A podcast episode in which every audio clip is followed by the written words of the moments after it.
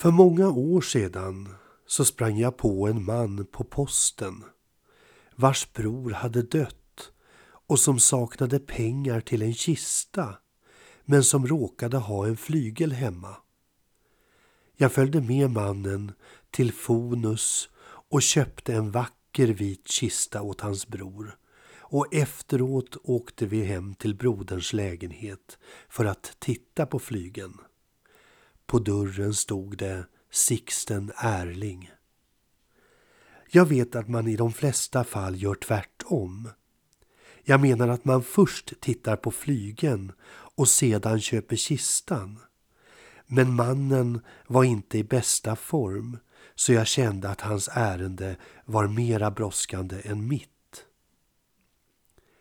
Flygen som var för stor för min lilla hiss bars upp av ett gäng kroppsbyggare, troligtvis Hells Angels-medlemmar och det syntes tydligt på deras västar.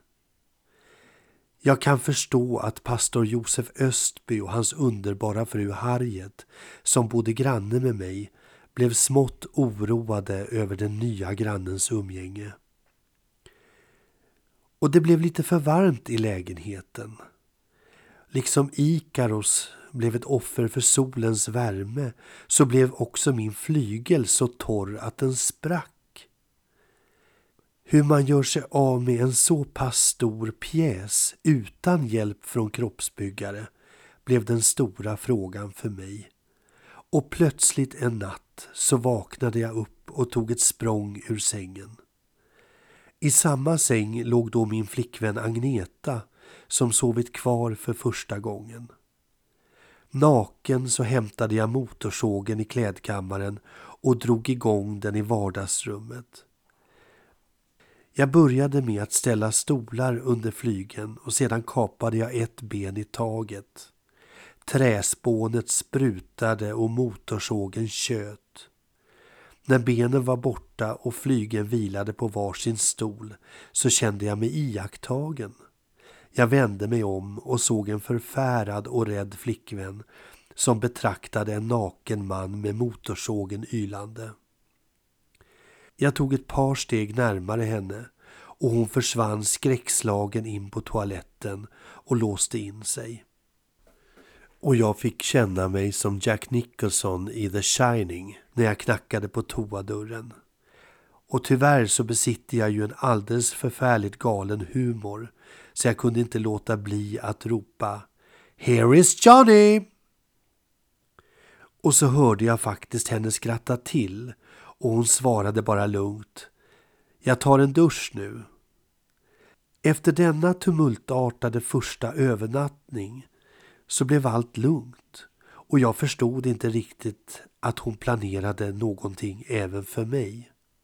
Ett par veckor senare då relationen blivit så pass allvarlig att vi inte längre varken stängde eller låste toalettdörren så var det dags.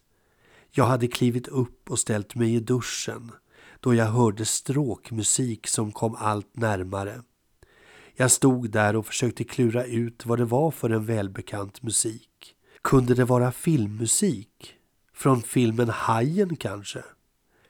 Nej, det måste vara från en Hitchcock-film. Kanske Fåglarna? Nej, det var ju musiken från Psycho. Den i sekvensen då kvinnan står i duschen, precis som jag gjorde nu, och en kniv kommer genom duschdraperiet.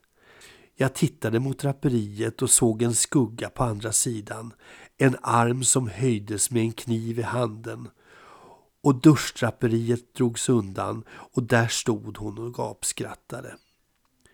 Men flygen då? Hur gick det med den? Jo, den slaktade jag ner i beståndsdelar. Och visst måste väl sopåkarna ha blivit förvånade när de en vecka hittade benen och en annan locket och sedan pedalerna och som avslutning alla svarta och vita tangenter och den vän av ordning som känner till hur flyglar är byggda undrar kanske vad som hände med metallramen, den som är så otymplig och tung. Jag drog ut den och ställde utanför min ytterdörr och så ringde jag fastighetsjouren och klagade på att någon hade dumpat en harpa i trapphuset.